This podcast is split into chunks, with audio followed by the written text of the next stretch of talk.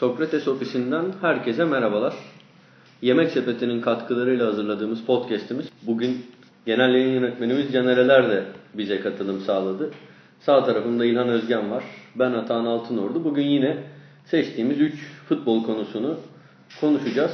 Ama öncesinde yemek söyleyeceğiz. Ee, sizin bir tercihiniz var mı bilmiyorum ama benim canım kebap istiyor. Ne dersiniz? Caner abi yeni geldiği için raconu bilmiyor. Burada atan ne isterse o oluyor. Sokrates. FC'nin stajı şeyiyim ben şu an. Aynen. Kiralık oyuncusu. Burada atan ne isterse o oluyor. Yani kebaba mecbursun. ne o Milan'ın hani e, kafeterya restoranındaki meşhur e, veteranlar masasına henüz Aynen. uzaktan bakan insanım ben. Ya Orada ben- ne yeniyorsa ben onu yiyeceğim. Oranın tam baristası bu işte. Tam tersi e, Ronaldo uzun sakatlıktan döndükten Aa, sonra güzel. yani kendimi Robbie Keane falan gibi hissediyorum. Rubik güzel. E, peki ne istiyorsun abi? Ne söyleyeyim sana? Vallahi ben bir Ne vereyim abime?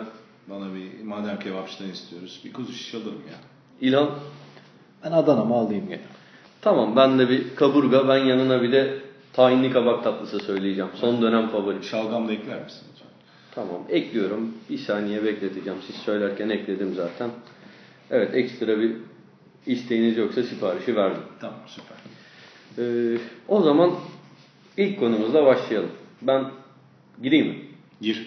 Buyur. Ben e, daha önce buradaki dört bölümümüzden birinde de Liverpool konuşmuştuk Van Dijk özelinde ama e, son iki haftadaki beraberliklerden sonra yanımızda da sen varken özellikle tekrar bir Liverpool'a dönelim dedim. Liverpool şampiyonluğu kaybediyor mu sence abi? E, senin önce anlatman lazım ki Yani- ben hayır şundan dolayı diyorum. E, yani çünkü benim hakikaten son 2-3 haftadır ya bir fanatik değilim tabii ki sevdiğim için takip ediyorum ama moral bozan bir 2-3 hafta oldu. Ama belli de bir oyun düşüşü de var. İstersen oradan pas atmış sana. Ya zaten Crystal Palace maçı zor kazanılmıştı. Ee, onun sonrasında Leicester maçında takım gerçekten çok kötü oynadı. Maçı hak eden e, Leicester City'ydi bana göre. Tabii sakatlıkların da çok büyük payı oldu. Önce Gomez'in sakatlığıyla stoper e, rotasyonu çok zayıfladı. Lovren'e mahkum kaldı takım. E, Van Dijk'ın yanında Lovren ya da e, Matip'e. E, Arnold'un, Alexander Arnold'un sakatlığı, Klein'in kiralanması Sağ bekte son iki maçta bir Henderson oynadı, bir Milner oynadı. Ee, genel Firmino'nun inanılmaz form düşüklüğü. Ya şimdi bir de Liverpool'un önünde Bournemouth maçından sonra iki zor deplasman var. Hem Manchester United deplasmanına gidecek, hem Everton deplasmanına gidecek. Bir yandan City gaza bastı. Ee, yani çok iyi bir form grafiğine kavuştu. Liverpool'un şampiyonluk şansı bence %20'lere 30'lara inmiş durumda. Yani öyle öyle gibi görünüyor. Fikstüre de baktığımda, form durumuna da baktığımda. Moralimizi bozma tamam mı? Yani Sturridge falan da çok kötü. Yani hakikaten ne olacak bu Liverpool'un hali? Ya orada şey ekleyeyim. Ee, birincisi Liverpool'un A yani çıkan 11'i veya işte 12-13'ü çok iyi. Tamam. Ki onları da başka takımlara koyduğunda başka teknik direktörlerin e, yönetiminde sırıtabilecek bazı oyuncular var mesela içlerinde. Doğru sistem bulamazlarsa. Ama Klopp sisteminde çok optim, optimize edilen e, oyuncular. Yani bunu şey için anlatmıyorum. Yani Liverpool biraz kan kaybetti de işte bahane üretiyorsun gibi bir şey olmasın. Yani kadro kalitesi açısından ileri üçlüyü geriye aldığında bir de Van Dijk'ı aldığında e, diğer oyuncuların ikameleri zaten biraz daha bir kademe daha düşük. O yüzden bu tip özellikle sakatlık veya işte yoğun maç dönemindeki formsuzluk olduğunda e, alternatif çözüm üretmekte zorlanan bir yapıda oluyor Liverpool. Yani e, o da bu tip e, sezonlarda çok kritik etkili. İşte City tam düştü denildiği noktada e, alternatif üretmekte çok daha başarılı bir kadrosu var. E, üstüne üstlük e, yani iki tane çok e, nasıl desem normalde daha kolay geçmesi beklenen maçlarda problem yaşadı. Yani City'ye mağlup olması problem değil Liverpool'un. Ama hem West Ham'da hem kendi evinde puan kaybetmesi ondan önce e, bunlar tabii büyük sorunlar. E, biraz burada şimdi kendi evinde oynayacağı maçtaki o ekstra bir e, patlamaya ihtiyacı var Liverpool'un ki biraz mental olarak toparlasın. Çünkü şampiyonluk, Premier Lig'de şampiyonluğa oynama tecrübesi açısından da bence e, eksiği var. Yani oyuncu e, e, tecrübesi eksiği var. O da bu tip dönemlerde mental olarak etkileyebilir gibi düşünüyorum. O yüzden şimdi orada bir mental yüklenme ihtiyacı var pozitif anlamda. Klopp da bunu aslında Hı. yapabilecek en önemli isimlerden biri değil mi? Tabii zaten yani takımın e, önemli bir bölümünün mental olarak Klopp tarafından yükseltildiği aşikar son iki senedir. Ama Trent Alexander-Arnold çok kritik sakatlık. Yani iki bekin ne kadar önemli olduğunu biliyoruz Liverpool'un sisteminde. Orası olmayınca Liverpool böyle aksak e, oynuyor. Sadece çünkü oradan çok iyi hücum eden bekim olmanın da savunmasında da problem yaşıyor. Zaten e, bu son kaybedilen sezonun ilk mağlubiyeti olan City maçında da e, sağdan Alexander Arnold ortalamıştı. E, soldan Andrew Robertson içeri çıkarmıştı. Firmino atmıştı değil mi? Evet. İki bekin hazırladığı hep şey derler ya teknik direktörlerin hayalindeki gol diye. Hem sağ bekin hem sol bekin içinde bulunduğu golü. Ama galiba e, yani bildiğim kadarıyla Arnold'un sakatlan sakatlığı öyle çok uzun değil. 2-3 haftaya Evet. Gelecek takıma dönecek. Ama olmadığı dönemde çok puan kaybetti işte. Evet işte bilinse Klein herhalde Evet. gitmezdi. O bir bilmediğim bir şey var. Yoksa içinde bir strateji hatası gibi oldu sanki. Ya işte devre arası transfer döneminde ne düşündüler onu bilmiyorum ayrıntısını ama e, öngörü açısından sıkıntı olduğu kesin. Kardeşim Bob Paisley'nin Liverpool'unu konuşuyoruz yani. Ona gel konuşayım. Bu arada bazı söylentiler okudum. Everton galiba City maçında bir kadro değişikliğine gitmiş. Biraz iddiasız bir kadroyla çıkmış City karşısına. Doğru Doğru mu? bu? geyikler yapıldı haklısın. Yani Var mıdır hala bunun geçerliği abi? Türk, Türk spor basınının karanlık yüzü Sokrates'te şike söylentileri. Ben duyduğumu söylüyorum. Everton ezeli rakibindense rakip şehrin takımının şampiyon olması için diyorsun. aslında hani siz daha iyi takip ediyorsunuz özellikle Caner abi. Abi sanki hani 80'lerde ve 90'lardaki o rek- rekabet ya da ezeli rekabet diyelim derbiler o kadar şiddeti kalmadı gibi İngiltere'de değil mi? Evet, özellikle Liverpool Everton'da çok daha e, sanki e, naif kaldı. Köşeler keskin, köşeler azaldı. E zaten hepimizin bildiği üzere 90'lardan sonra tribünlerin dönüşümü de var. Tabii. Yani Taylor raporu üstü, Premier Lig kuruluşu. O dönüşüm e, zaten tribünlerdeki gerginliği, tansiyonu bayağı azaltmış durumda. Hani e, işte belgeseller vardı ya Football Factories falan. Firmler geliyor dışarıda kavga ediyor. Onları falan da sınırladılar. Yani iyi oldu bu arada. Yani ben onları savunduğumu hiç söylemiyorum. Sanki hani üzülmüş gibi söyledim ama.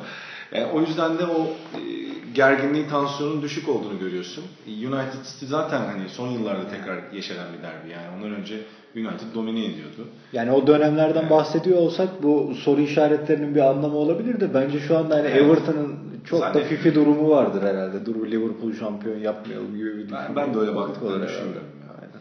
Yine de önce Canerelerden gelen Liverpool fanatizmi, ondan sonra İlhan Özgen'den şike söylentileri, döndük yine Canerelere holiganizm güzellemesi.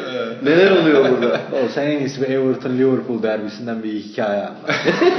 Geçen hafta abi dinlediysen ağlattı seyirciyi. Aynı nehrin iki yakasıydı. Diye başlayayım mı?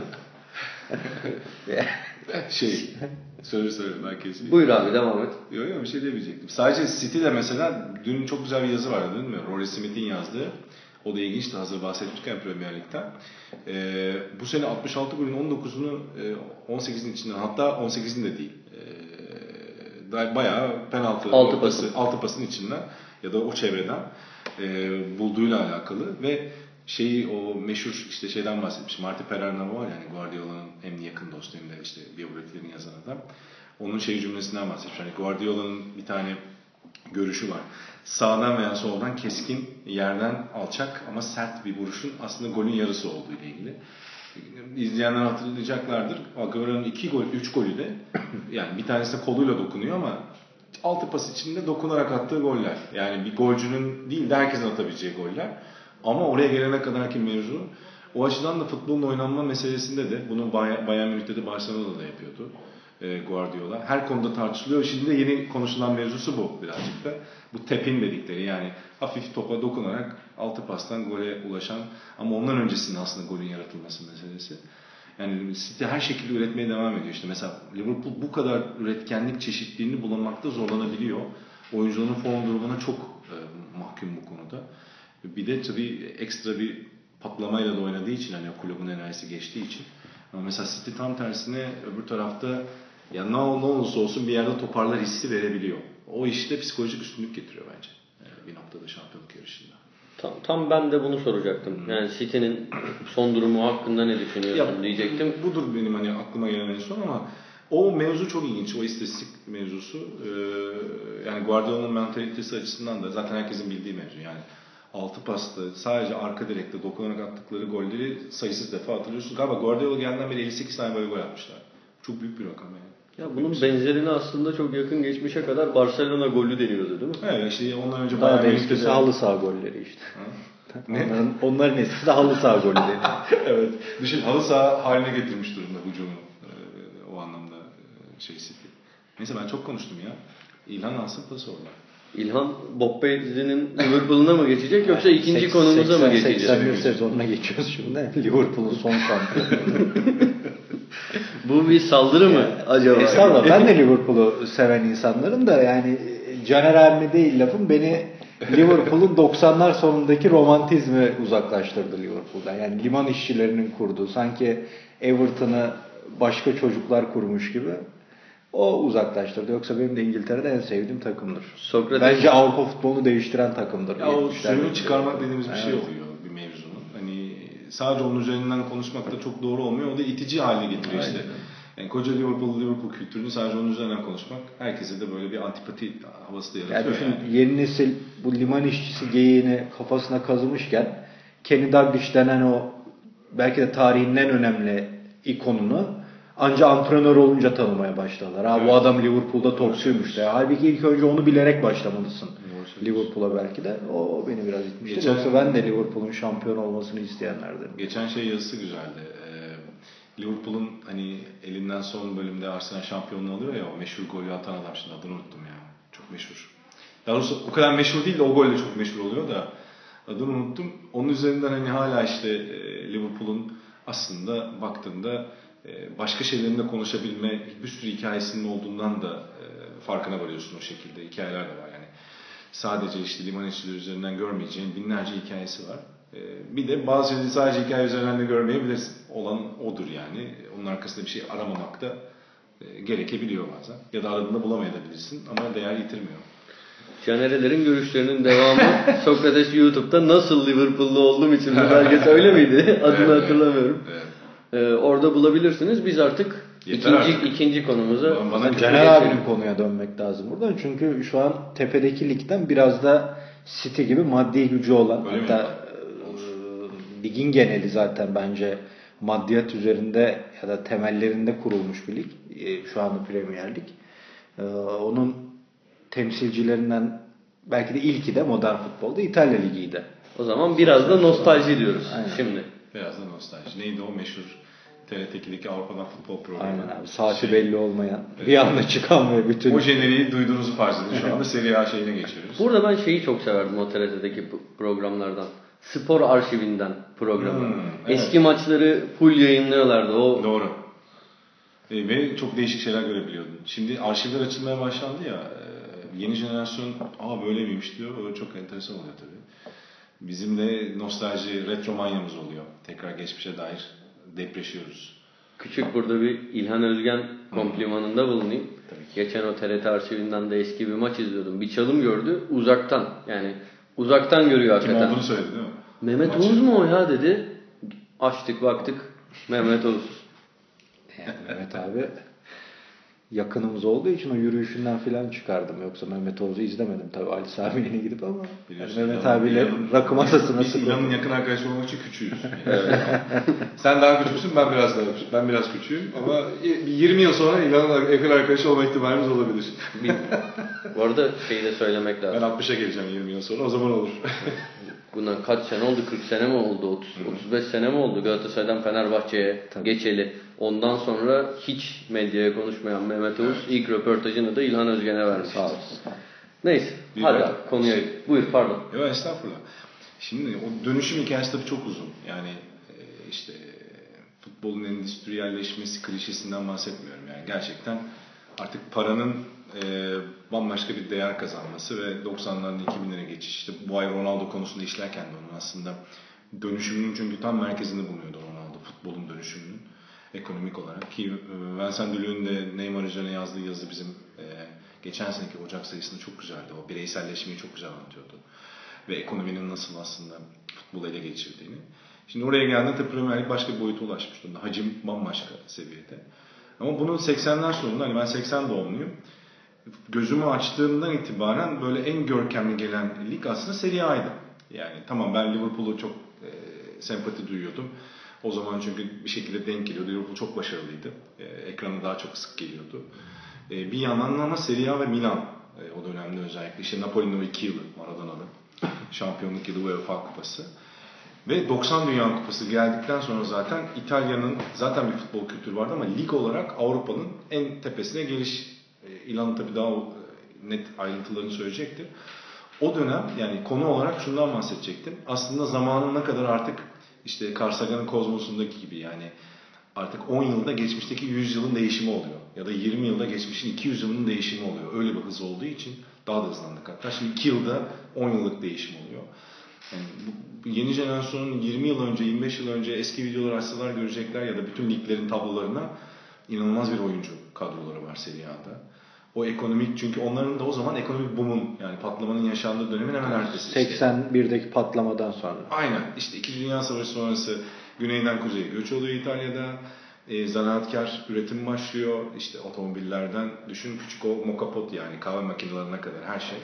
Müthiş bir sanayi kalkınma. Zaten Anneli belgeselinde onu çok güzel anlatıyor. E, fiyat çünkü onların önemli tezahürü değil aslında o yükselişi. Hele 80'ler işte Avrupa Birliği e, ekonomik olarak yukarı çıkış derken e, 90'larla beraber işte her şehirden öyle sadece kuzeyde değil. Kuzey ağırlıklı ama işte Cremonese'sinden Cenova'sına, Reggiana'sından Parma'sına kuzey e, kentleri, büyüklerden bahsetmiyorum yani çok küçüklerden bahsediyorum farkındaysanız. E, güneyde Lecce'sinden e, zaten Napoli devrede, e, Cagliari'sine adadaki e, birçok takım çok önemli oyuncuları transfer ediyor. Atalanta. Atalanta aynen.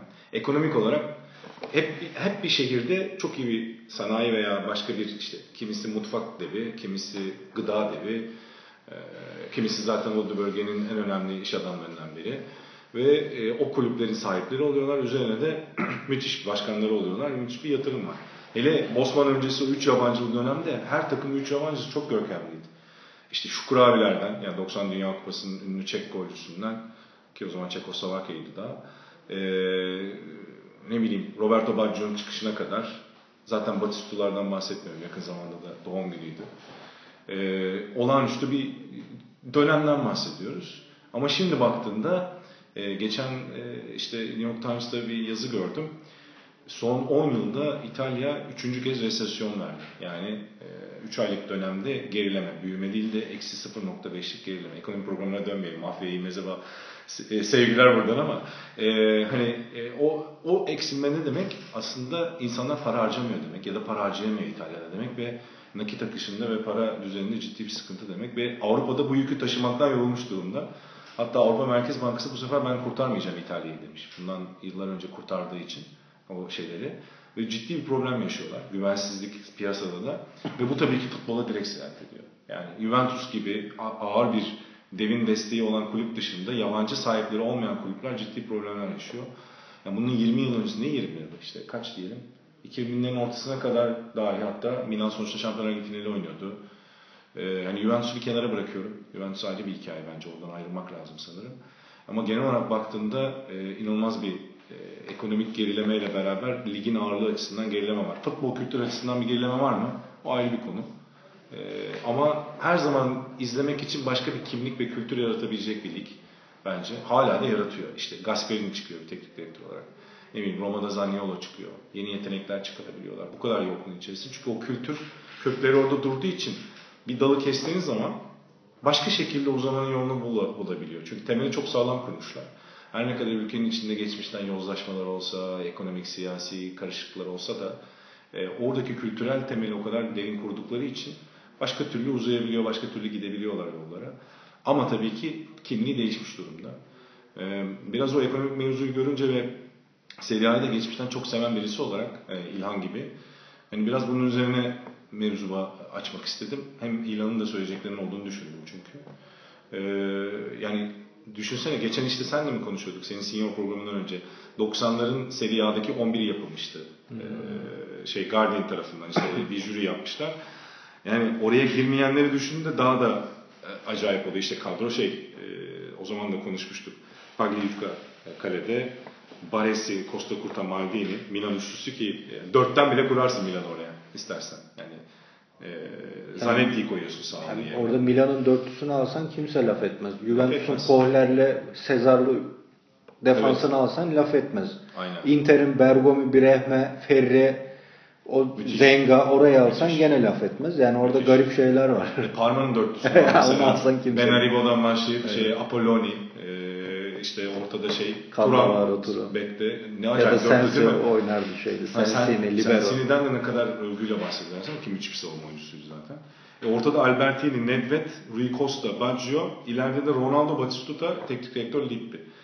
Her ismin yerine birisini bulabilirsin. Belki Batistuta ile Ronaldo'yu değiştirmek istemezsin. E, bir de Baggio'yu bu üçlüyü Yani tutarsın. ben Signor'da mesela onların yerine yani Ronaldo yerine Signori'yi koymuştum. Ha, mesela. 90'lara bak. Düşün. Onu da çıkarırsın yani çıkarsan. Tabii, çok acayip adamlar var.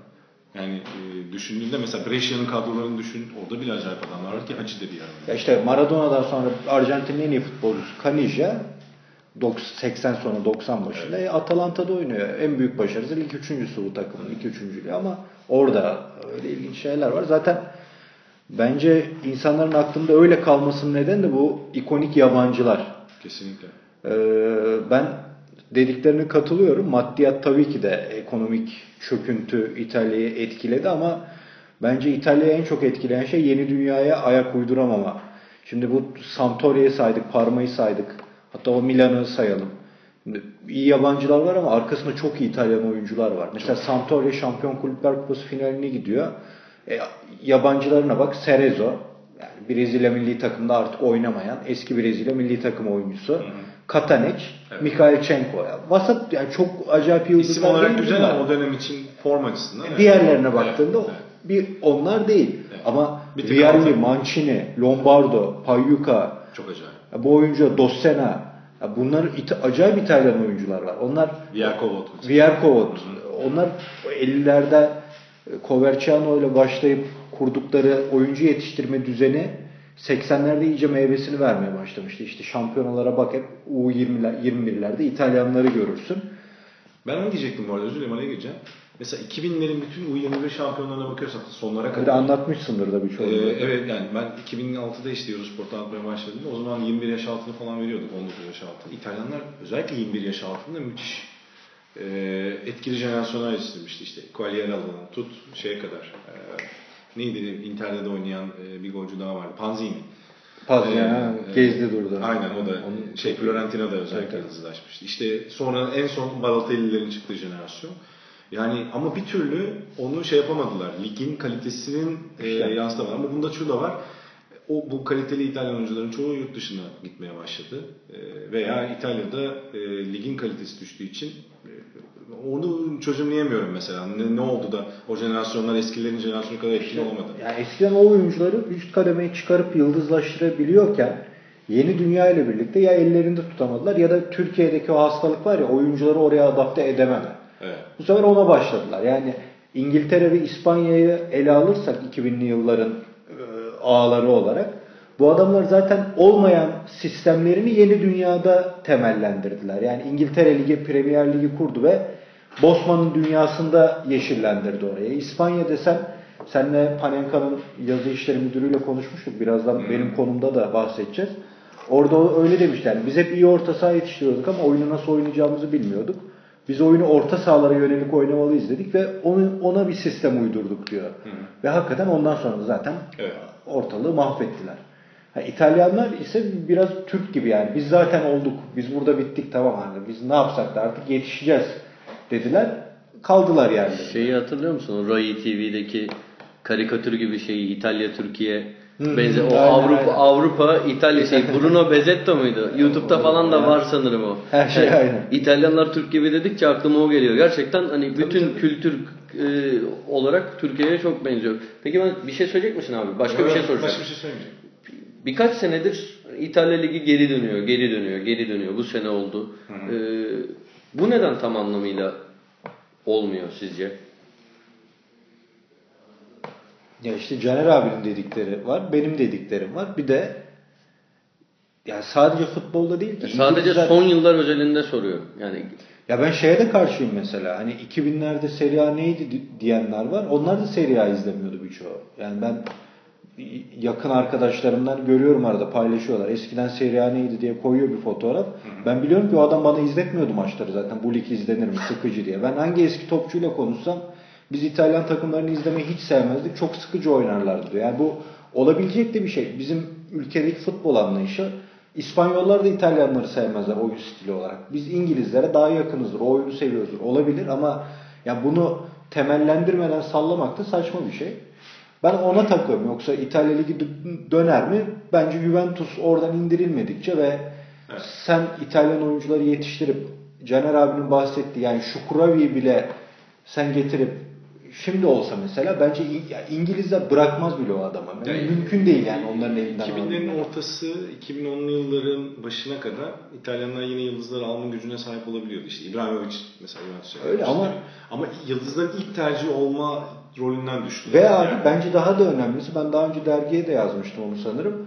Parma, Sampdoria, Fiorentina, Torino gibi Avrupa kupalarında final oynayan, kupa alan ufak takımlar yetiştiremiyorlardı artık. Evet Juventus ve Milan vardı hala. Milan hatta işte bayağı vardı. Ekonomi devreye giriyor. Ya o kentin zaten kendi ekonomisi düşüyor. Bu, bu arada sadece futbol değil, İtalya'da genel diğer liglerde de bu problem var. Yani şimdi futbol programına basketbol sokmuyorum ama eskiden düşün e, basketbol takımlarını e, Euroleague'de veya kendi liglerindeki o, e, O Bolonyalar, tercih- Bolonyalar. Aynen. Şimdi Bologna şehrinin takımları da daha yeni yeni kendine gelmeye çalışıyor. Yani Avrupa'nın kalesi denen Bologna. e, şimdi esamesi okunmuyor. İşte Milano bir tek Armani destek verdiği için o kentin, Milano'nun kendi sanayi gücü zaten hep etkin. O yüzden biraz oyuncu transfer edebiliyorlar ama diğer takımların hiç hiçbiri Euroleague'e girmekte bile şey olamıyorlar. Namzet değiller yani. Bu ekonomikle, ekonomiyle spor sistemiyle de alakalı. Çünkü sponsor üzerine gittiği için hep biliyorsunuz bütün takımları sponsor ismiyle hatırlarsınız. Yani işte e, şey Stefano Climamio, Stefano, şey, Stefano Milano'dan tut işte Climamio Bologna'ya. Yani sponsor- Benetton Bologna'dan Kinder. Bologna. Yani Kinder Bologna. Hep bak sponsor ismiyle hatırlıyorsun.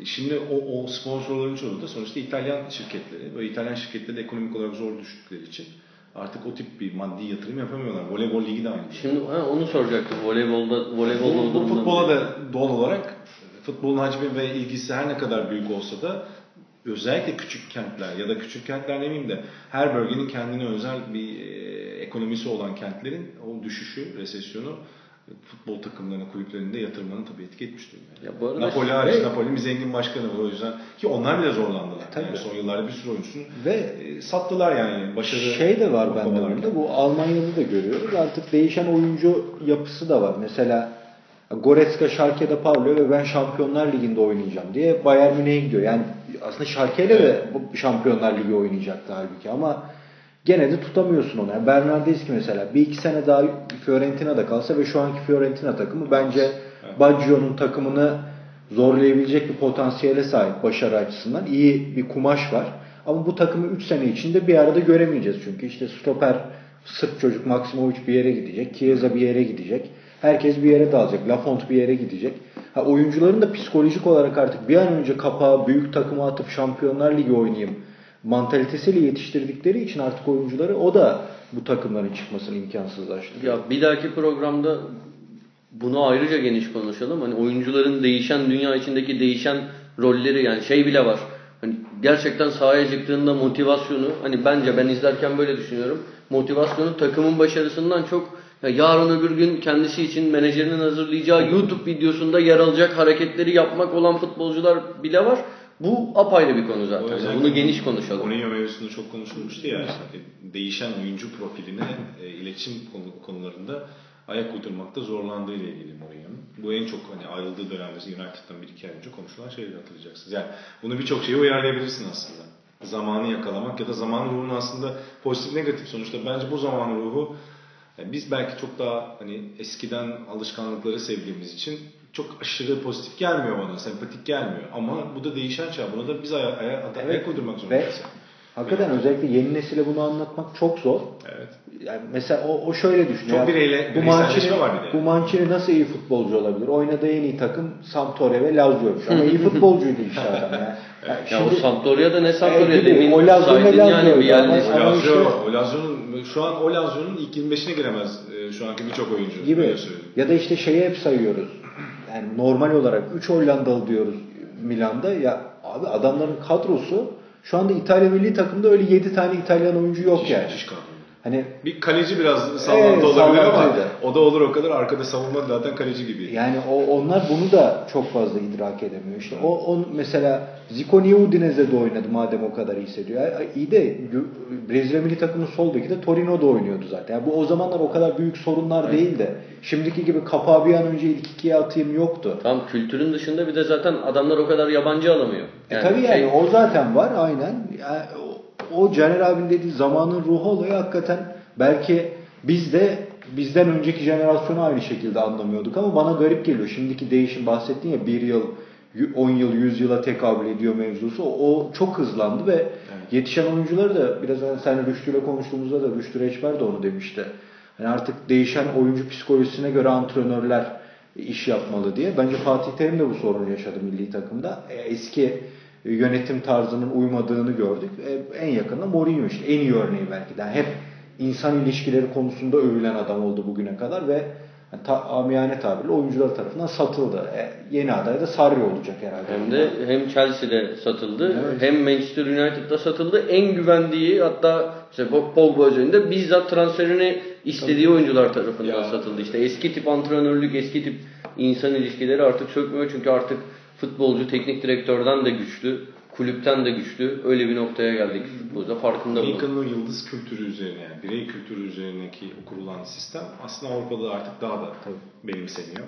Ya da yıldız teknik direktör de olabiliyor bu arada. Yani Guardiola mesela şu an takımındaki herkesten daha yıldız baktığında. Yani Agüero'dan da De Bruyne'den de birçok insana göre daha iyi görüyor ve daha yıldız. Bir de böyle bir şey de var. Ama gitse mesela Ronaldo'yu yönetse öyle olmayacak büyük o farklı bir şey. Ona, o hacim olarak Ronaldo Messi bence yani şimdi bakıyorsun mesela. Gerçi Messi daha mütevazı bir karakter. Hani Messi Evet, ile çalıştı sorun yaşamadı. Şunu demek istiyorum. mesela. Salah mesela geçen sene acayip bir sezon yaşadı. Ama bu yıl mesela inişli çıkışlı. Şeyi düşünüyorsunuz ama Ronaldo Messi'nin yaptığı ne kadar acayip olduğunu görüyorsunuz. Yani bu devamlılık çok saçma bir şey. yani. Aslında Salah'ınki normal bir şey yani. Normal normal yani onu a- şey yapmak için söylemiyorum. Tabii, Tam tabii, tersine. Anladım. asıl du- Ama- şey olan o yani. Şeyler ben çok sık görüyorum. Muhammed Salah balonu patladı. Ya işte o da yanlış. Gene bahsettiğim şey. Gene değişen taraftar Evet. kafası bu da işte. Bu Yani arada- futbolcunun nasıl değiştiyse Oyunun oynanış tarzı da değişiyor. Sonuçta e, tamam bazı şeyler retro geri dönüyor ya. Hani modada olduğu gibi bazı modalar yeniden oluyor. İşte üçlü savunma konuşuluyor zaten. Ee, ama şeye bakıyorsun mesela basketbolda en çok konuşulan şey şimdi son zamanlarda yani Doncic çok başarılı oldu ya. Yani Drazen Petrovic bu zaman yaşasa ve bu zaman oynasa NBA'de daha ilk girdiği anda NBA'nin iyi oyuncusu olurdu Muhammed. Çünkü o zamanki basketbolda beklentiler ve yapı farklıydı ve kültür, bakış, Avrupa'dan gelen oyuncuya olan bakış açısı. E şimdi bambaşka. E şu an yani düşünüyorum Petrovic'in yeteneklerini e, yani olsa diye herkes bunu konuşuyor şimdi. Yani dediğim yani herkes konuşmuyor yani bu tip şeyler tartışılıyor. Bunu futbol versiyonlarında üretebilirsin. Yani bazı şeyler zamanda çok farklı faktörler var, çevresel faktörler var. Serie A konusunu da sonunda bitirirsek, bağlarsak da çünkü ilanın konusuna geçelim. Yavaş yavaş bitirmemiz de lazım. Ee, hani orada da birçok faktör var. Tek bir şey üzerinden açıklayamıyoruz senin son sorduğun soruyu. Bunların hepsini bir potada eritip bir şey çıkarmak lazım. O da bu programın süresine yetmez ama sanırım bazı şeylerinden bahsetmiş olduk. Evet yani çok güzel verimli bir konuydu ama bir noktada kesmemiz lazım. Pası at, pası. Üçüncü konu. Pası şöyle atayım. Ee, işte geçen hafta geldim yine burada ofiste Messi videoları falan izliyorum. İlhan geldi yanıma. Baba yine Messi'ciliğin tuttu herhalde dedi. Ya dedim İlhan dün yine işte şunu yaptı bunu yaptı. Valencia maçı vardı Barcelona'nın. İlhan da izlemiş ve Dani Parejo, Parejo'nun o gün oynadığı futbola hayran olmuş. Zaten- Bugün de Parejo konuşmak istiyor. daha farklı bir yere geleceğim. ama Önce Pareo'dan bahsedeyim. Benim yani net olarak izlemeye başlayıp farkında vardığım diyeyim 3-4 sene oluyor herhalde. Onun için PES'te de her takım var. Yani Cagliari'yi çalıştırsam bile kulübü satıp Pareo'yu alır öyle başlarım sezona. Tırnak içinde çingene platinim diyorum ben ona. Platini gibi kullanıyorum. Bayılıyorum stiline. Ama biraz Platini gibi maç içinde bile dalgalanan bir oyuncuydu ama canı istediği an denir yani canı istediği zaman izlemesi inanılmaz. Barcelona maçında herhalde canı istemiş. Çünkü sene başında bir Barcelona transferi mevzusu vardı. Barcelona son gün e, ona gitti sonra vazgeçti falan filan mevzuları olmuştu. Evet. Herhalde onunla da bağlantılı biraz. İnanılmaz bir futbol oynadı. Yani adam durduğu yerde zaten bir top saklama kabiliyetine sahip ve en iyi pası seçebilme yeteneğine sahip. Yani bir orta sahada bunlar varsa zaten ben koşuyor mu koşmuyor mu ya çok bakmam. Bu arada basit oynayarak yapıyor. Basit oynuyor, evet. Bayağı basit oynuyor. Ya zaten çok inceciliği kalmadı. İlk çıktığında tam bir on numaraydı. Çok inceciydi. Şimdi daha çok alveri yapan, tempoyu kontrol eden bir oyuncuya dönüştü ve hani Messi inanılmaz bir gol attı ama o zamana kadar Messi savunmasında da çok yardıma gitti. O beni çok büyüledi ve aklıma hemen hatta kardeşimle izliyordum maçı. Zaten ya ben Valencia'yı denk geldi izlerim de o kadar kovalamam. Onunla evde oturuyorduk onun evinde. Zapping yaparken dur bir Pareo izleyelim dedik. Benim PES'teki çılgınlığımı bildiği için Pareo'yla. Hatta o da dedi ya sanki sen yönetiyorsun gibi oynuyor adam diye böyle bir övdü beni. Ee, ve Caner abiyle yaptığımız röportajdan bahsettim abi. Biz az önce de konuştuk ya Panenka dergisinin genel yayın yönetmeniyle konuştuğumuzda bizim eski futbolumuz kırmızı öfke demişti değil mi abi? Yani Evet. bir an önce işi bitirmek, hücum edelim, maçı kazanalım, farka gidelim. Ama böyle başarısız olduğumuzu gördük ve şuna baktık. Biz nerede iyi oyuncu yetiştiriyoruz? Orta sahada. Biz demek ki buna yönelik, bunun ağır basan, bu, bu tarafın ağır bastığı bir oyun oynamalıyız. Ve hakikaten ondan sonra bakıyoruz. Az önce konuştuk ya İtalyanlar yetiştiremiyor dedik artık. Kendine uygun, stiline uygun oyuncu. İspanyollar yetiştirmeye devam ediyor. Ha belki Xavi Iniesta bulamayacaklar. Onlar çok özel şeylerdi ama işte Bruno Soriano Villarreal'le ya da çıktı Atletico Madrid'e gitmiş. Ro- Rodri Fernandez var. Her, Hernandez özür dilerim. Villarreal'den çıkmıştı o çocukta. O. E, o kokeler falan bakıyorsun. E, Madrid yeni çıkarıyor bir tane. Lorente miydi sarı? Lo- Lorente mi ne onun adı? Orta sahada gene. Yani Evet, evet, evet. Laurent. ya devamlı oraya oyuncu devamlı çıkıyor. İşte Javi Martinez savunmacı Javi yazıyorsun. Ma- Orta evet. saha sonuçta. Ve-. Ve o eee şeyin neydi bizim Almanın adı? Bizim? Santrfor'u. Hit, benim sevdiğim var ya Mönchengladbach'lı Bayern Münih Yeni mi, şampiyon mi? yaptı. Eski eski ya. Avrupa şey. Antrenör ya. Aa, şey diye isim Aa. geliyor. Labadya diye isim geliyor da değil o verdiği Hayır şey. ya Avrupa şampiyonu yaptı ya Bayern Münih. Delireceğim. Yupaykes. Yupayken Ha. Tamam, sisteminde öyle bir parçası. Aklıma gelmedi. Harkens'in döneminin en orta sahadaki en bence en önemli parçasıydı bağlantıyı sağlayan. Ee, hakikaten acayipler. Yani Dani Pario'ya bakıyorsun. Milli takımı bu sene alınmalıydı bence. Alınmadı. Kimse de bir şey diyemez. Evet, çok üst düzey bir kadro. Bir şey diyemez dediğin adam eğer İtalya'nın elinde olsa şu anda tamam Jorginho'yu falan beklemelerine gerek yok. Regista koy tamam. Ya İspanya'nın orta saha şey. Bruno Soriano şu anda Juventus'ta bile öyle bir bence oyunu tempoyu ayarlayan bir oyuncu yok. O, o yönden ben İspanyolların oyun içindeki çirkefliğinden hep midem bulanmıştır. Real Madrid, Barcelona hepsi için geçerli. Ama bu konudaki istikrarları hakikaten çok büyüleyici. Çok takdir ediyorum. Arada- Kahramanım Dani Pareo üzerinden de İspanyolları buradan tebrik ediyorum. Arada e, sağlık problemleri yok. E, yitirin, yani şey olanlar da vardı. E, ve o kariyeri erken işte e, Granero vardı. İşte Abi bu arada Granero bir, ilginç bir not var. Bilmiyorum bilerek mi söyledin? Yok. Ee, Bilmiyorum. Pareo Real Madrid'den Hetafe'ye gönderilişi Granada şey e, Gra- Granero. Granada diyorum. Granero'nun e, takasında öyle Ha, gönderildi. Ama bunu düşünmeden söyledim yani. Aklıma geldi sadece. Orta sahada hani hafif savunmaya yardım edip e, işte hücumda da yaratıcı pasla, pas oyununu çok iyi bilen e, orta sahalar muhabbeti yani. Yaramendi 6 öyle ile olması. 8 arası oyuncular hep işte 6 Ya, 7 8'ler. mesela biz ufakken sen daha iyi hatırlarsın. Orada bir adamları vardı. Bakero. Doğru evet. Bakero yani. Jose tamam. Mari Bakero. Onu Sociedad'dan almıştım. Onu da bastılar işte. Evet. Bakero, Begiristain bu ikili zaten. Tabii. Ama Bakero çok Çok özel. girişten Yani diğer takımlarda bu adamları göremezdin. Gene tekniklerdi elbette Evet, ama bu doğru artık acayip bir üretim içindeler. Hani dediğim gibi ben İtalyanlarda göremediğim o e, eski kültürden kalma özelliğini İspanyolların umarım uzun yıllar sürdürürler de bu tarz oyuncuları ha olur olmaz o ayrı. Hani dediğim gibi Xavi Iniesta olması bence imkansıza yakın artık bir orta saha oyuncunun. Onlar çok özel oyuncular. Belki 50 sene sonra görürüz. Ama en azından biz bu oyunu oynuyoruz ve bu adamlara ihtiyacımız var. Ee, şeyini görüyorsun orada, üretimini görüyorsun. Çaba Alonso'dan bile bahsetmiyoruz. Düşün Bak- neler var yani. Bak- kastan orayı derin kastan. Tabii tabii. Arkası İlleremendi falan geldi yani. Aklıma acayip bir geldi. Ya. üretimden bahsediyor. O şimdi bu isimlerin yanında geçmez de canım söylemek istedi. Ben şeye de hastaydım. Senna'ya. Yani ünlü bir arada. Hasta geç parladı ve 30'undan parça sonra. O bir de Brezilya kökenli ama tabii Evet, İspanya'da tabii. yaşardı. Haklısın. Tabii. İlk parça oydu o Avrupa Şampiyonası'nda. Evet. Doğru. 2008'in aslında orta sahada şeyi oydu sigortası. Sonra yetiştirdiler Busquets gibi adamları oraya. O da çok özel oyuncuydu mesela. Öyle. Yani takdir ediyorum İspanyolları. Duysunlar burada. Ben Bu arada İspanya'da, e, madem ekonomiyle girdik İtalya'da, e, krizden çıkmış, resesyondan çıkmışlar. Onlar da üretmeye devam edecekler. yeter. Ya bu aralar çok mafya imez okudum o yüzden bundan kaynaklanıyor. Çünkü ekonomiyle bizi de ilgilendiriyor biliyorsun yani. E, Atacığım. Abi onu biz bize diye video çekersiniz orada anlatın. Canerelerle ekonomi notlarının bu haftalıkta Güzel. sonuna geldik. Güzel. Ee, yemeğimiz de geldi zaten. Aşağıdan asansör çalıştı. Bu kabak tanesi yiyecek ya onun için. Yeter tahinli, tahinli kabak. Özel- Zamanın öyle şeyleri var. Özel hedef Aynen e, şeyleri var yani. Bir de insanlar bilmiyor şöyle bir özelliği var. Şimdi kabak tatlısı istedi ya 5 gün kabak tatlısı yani. Öyle Tahinli kabak Özür tatlısı. dilerim. E, o yüzden de kaç 70 tane ayran mı aldınız? Kaç tane ayran aldınız? 90. 90 tane Ayran ayran aldınız. özel. Ayran. Burada Orada suç şey yok Bir de Tabii. tweet attın seni seviyorum diye ayranı. Öyle mi? marka, Allah aşkına. marka kullanamıyoruz değil mi? Evet kullanma. Ama da Balıkesir'e özgü bir ayran diyor. Herkes yani bilen bilir orada. Hatanın ayran aşkı.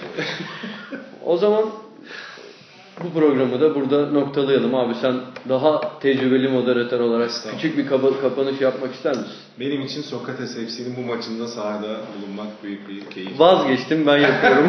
bu, klişe sözleri. evet, bilerek yapıyorum zaten şu an tamamen eski TRT tarzıyla. Ee, Valla güzel muhabbet oldu bence. Ben çok keyif aldım. Umarım dinleyenler de keyif almıştır. İlerleyen haftalarda arada yine aranıza karışırım. Sevgiler. Hıncal gibi el sallıyor.